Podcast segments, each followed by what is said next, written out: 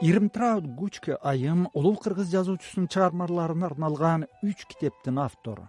Киши жана жаратылыш чыңгыз айтматовдун чыгармаларында деген биринчи китебин ирмтраут айым жыйырма алты жашында докторлук диссертациясынын негизинде жазып жарыялаган.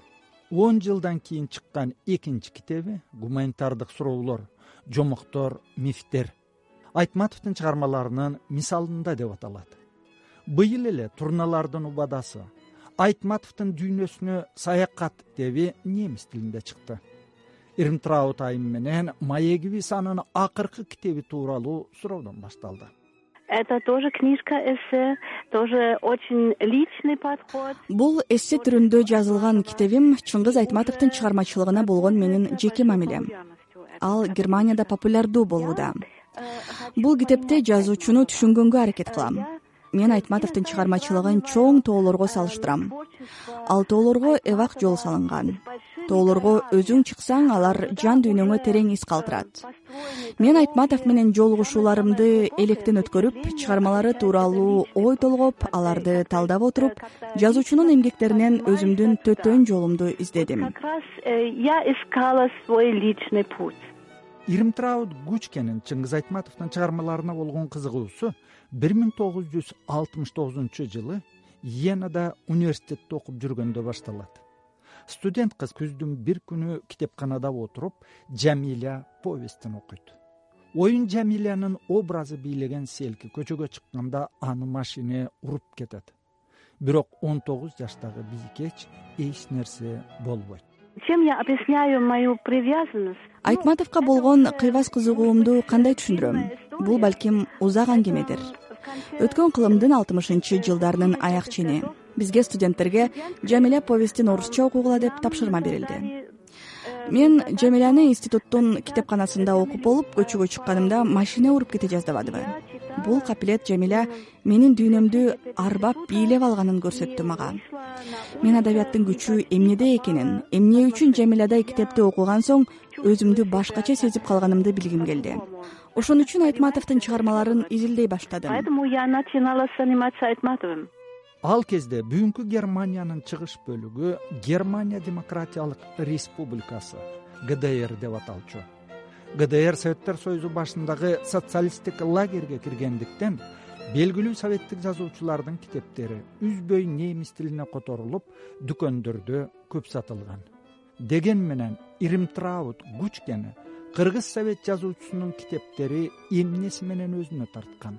Чем это творчество меня привлекает? Айтматовдун чыгармалары мага эмнеси менен кызыктуу өз поэтикасы менен.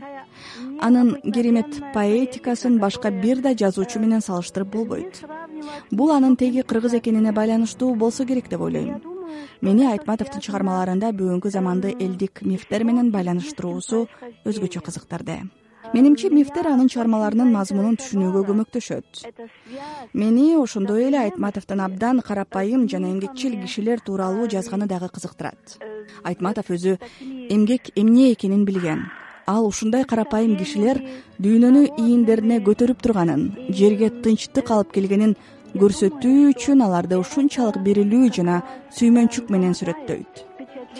Алар терең ойлонгон абдан сезимтал дүйнөнүн көйгөйлөрү тууралуу тынчсызданган адамдар. Биз да ушул адабий каармандар үчүн кыжаалат болуп алардын таламын жактайбыз. Айтматов өз өлкөсүн эле ойлонбойт. Кээде космоско чыгып жерге турнабай менен абай салып карайт айтматов биз жашаган планетада түрдүү конфликттер көп экенине карабай жерди чулуу жан катары карайт. Биз үчүн бүгүн аябай маанилүү болгон планетардык аң сезим тууралуу кеп салат. Которое так важно для нас сейчас. Чыңгыз айтматовдун көркөм дүйнөсүнө болгон кызыгуу бир миң тогуз жүз жетимиш жетинчи жылы ирмтраут гучкени жазуучунун туулган айылы шекерге алып келет. Адабиятчы журналист жамиля повестинде сүрөттөлгөн мына бул кооз табиятты көрүп жазуучунун көркөм дүйнөсүн түшүнгүсү келет бийиктен кулаган көбүктүү шаркыратма күпүлдөп бирде эргиген кең талаа жайкалып чийлердин арасында чөгүп бара жаткан күн мелтилдеп асман менен жердин кошулган жүлүндөй жигинде жалгыз атчан күндүн артынан чапкылап аны азыр колуна кармап алчудай жакындап барып күн менен кошо куйкум иңирей эрип көздөн кайын болууда. Чыңгыз айтматовдун германиядагы популярдуулугунун сыры эмнеде деген берүүнү угуп жатасыздар. Ирмтрауд айымдын өжөрлүгү болбосо чет өлкөлүктөр үчүн кара кулпу салынган шекерди жана талас жерин көрмөк да эмес ырас коммунисттик германиялыктардын баары эле чыңгыз айтматовдун чыгармаларын ирмтрауд күчкедей сүйүп окуган десек жаңылабыз. Бирок жазуучу өзү гдрлик окурмандарын өзгөчө баалаганы маалым. Вы правы. Он ведь э, говорил мне сиз туура айтасыз. Ал өзү мага германия демократиялык республикасында эң сүйүктүү окурмандарым бар деп айткан муну сыпайыгерчилик үчүн айтылган сөз деп ойлобойм. Анын популярдуулугу чыгармалары немис тилине которулганына байланыштуу болсо керек. Мектепте жана университетте айтматов жөнүндө сөз болчу. Кыргызстан алыс болсо дагы чыңгыз айтматов алардын проблемаларын жазганын немистер сезишкен биз баарыбыз советтик империяда жашаганбыз. Гдрде да кыргызстандагыдай жана башка советтик республикалардагыдай проблемалар болгон. Албетте айрым бир модификацияларды албаганда ал проблемалар да элдин ой мүдөөсү да аларды тынчсыздаткан көйгөйлөр да үмүт тилектери да окшош болчу. Ошол социалисттик деп аталган заманда көпчүлүк элде эркиндик көбүрөөк болсо дүйнөнү эркин кыдырсак деп үмүт кылышкан башка да өзгөрүүлөрдү каалашкан. Арийне элдин үмүт тилеги туман сыяктуу колго кармалбачудай көрүнчү. Бирок элдин мүдөөсү кабыл болуп чыгыш жана батыш германия бириккенден кийин көп адамдар дагы жаңы коомго иренжишип көңүлү чөктү. Дал ушундай сезим айтматовдо да болду. Ал михаил горбачев баштаган реформанын мияткери эле. Бирок айтматов реформанын кесепетинен советтер союзу ыдырап калат социалдык теңсиздик мынчалык чоң болот деп күткөн эмес. Чыңгыз айтматов чынында эле өмүрүнүн акыркы жылдарында коомдогу өзгөрүүлөргө бушайман болуп көңүлү чөгүп жүрдү менимче. Печальным человеком в конце своей жизни. Адабиятчы журналист батыш германиялык окурмандар да чыңгыз айтматовдун чыгармаларын жогору баалашканын айтат. Я могу вам это объяснять. У айтматова батыш германияда чыңгыз айтматовдун котурмочу досу болгон фридрих хитцер деген. Ал мюнхенде коммунист жазуучу. Фридрих хитцер чыңгыз айтматов менен сексенинчи жылдардын ортосунда жолугушкан тоолор кулаганда романын фридрих хитцер немисчеге оодарган мурда айтматовдун чыгармаларын шарлотта кошут которуп жүргөн. Баса баталга романын фридрих хитцер жана шарлотта кошут жарнакташып которушкан. Мен фридрих хитцер менен байланышта болгом. Экөөбүз тез тез телефон чалышып турчубуз. Айтматов өзү кандай маанайда экенин ал жакшы билчү. Бир мертебе хитцер мага германиялык окурмандар боз үйлөр жылкылар тоолор кыргыз ландшафты тууралуу окугулары келет. Ушул немис окуучулары үчүн кызык деп айтматовду көндүрөм деди. Мен болсо сен батыш германиялык окурмандар тууралуу айтып жатасың биз чыгыш германиялыктар дагы. Тоолор жана талаалар повестин жакшы көрөбүз. Биз да экзотикалуу ландшафт бизге жат жашоо бизге бейтааныш жашоо жөнүндө окугубуз келет. Бирок бизди кыргыздар менен экзотика эле эмес бир система бириктирип турат. Чыгыш жана батыш германиялыктардын айырмасы ушунда болсо керек деп айтканмын фридрих хитцерге. Ооба сиз туура айтасыз. Айтматов батыш германияда да белгилүү болгон. Мен өзүм мюнхенде айтматовдун адабий кечесинде болгом. Театр толо эл айтматовду тыңдап отурган. Батыш германиялыктар дагы айтматовду жакшы көрүшкөн. Бирок азыр мурдагыдай эмес ну как сказать это уже стало меньше ирмтрауд гучкенин айтымында азыр германияда экс советтик республикалардын адабиятына мурдакыдай кызыгуу жок. Анын негизги себебин ал мындай түшүндүрдү в германии в целом я не могу сказать. Батыш германия тууралуу айта албайм. гдрде бир нече басма советтик жазуучулардын чыгармаларын басып турган. чет элдик адабиятты чыгарган эң чоң басма фолк унд велткультур ун фортшит болчу.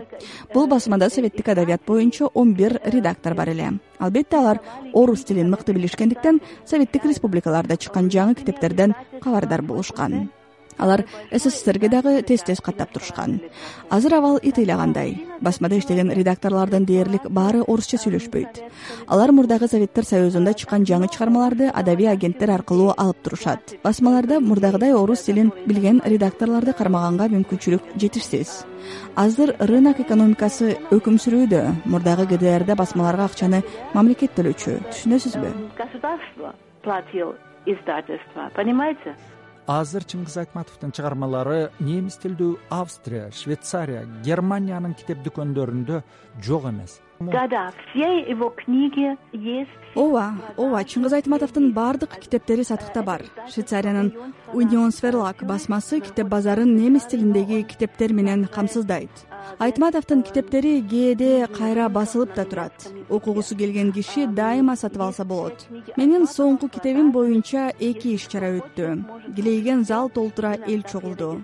Чыңгыз айтматовду окурмандар жакшы көрөт. Бирок алардын көбү айтматовду мурдатан билгендер улгайган курактагылар жаш муундун айтматовду билбеген себеби азыр анын китептерин мектепте окутушпайт.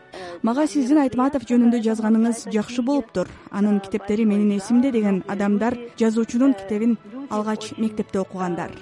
Анын үстүнө айтматов ал кезде бизге көп келип турчу. Окурмандар менен жолугушчу ар кандай диспуттар болоор эле. Бул жолугушууларды бакубат басма уюштурчу азыр китеп рыногу башка. Ырас мурдагыдан китеп көп чыгат. Кызыктуу китептер да көп. Бирок анын баары кеңири массага багытталган чыгармалар. Массалык нускадагы китептердин арасында айтматов сыяктуу алып да жоголуп кетиши ыктымал. Анткени китептер тоо тоо болуп чыгууда. Анын чыгармалары мына ушул тоонун ичинде да маселе ушунда түшүндүңүз го жалпылап айтканда китеп базары дайыма жаңы чыгармаларды каалап турат. Бир нече жыл мурда чыккан китептерди саткан анча кызыктуу эмес. Не так интересно для продажи. Деди ирмтраут гучке. Ырас бүгүн чыңгыз айтматов германияда мурдакыдай популярдуу эмес мурдакыдай дегеним себеби токсонунчу жылдардын башында бетме бет повести жана баталга романы кирген бир томдугу дээрлик жүз он миң нускада чыгып сатылып кеткен. Жаабарс романы болсо эки миң алтынчы жылы немис тилинде чыгып кийинки жылы атактуу лейпциг китеп жарманкесинде айтматов окурмандары менен жолуккан. Китеп жарманкеде окурмандар айтматовду поп ырчыдай кабыл алган.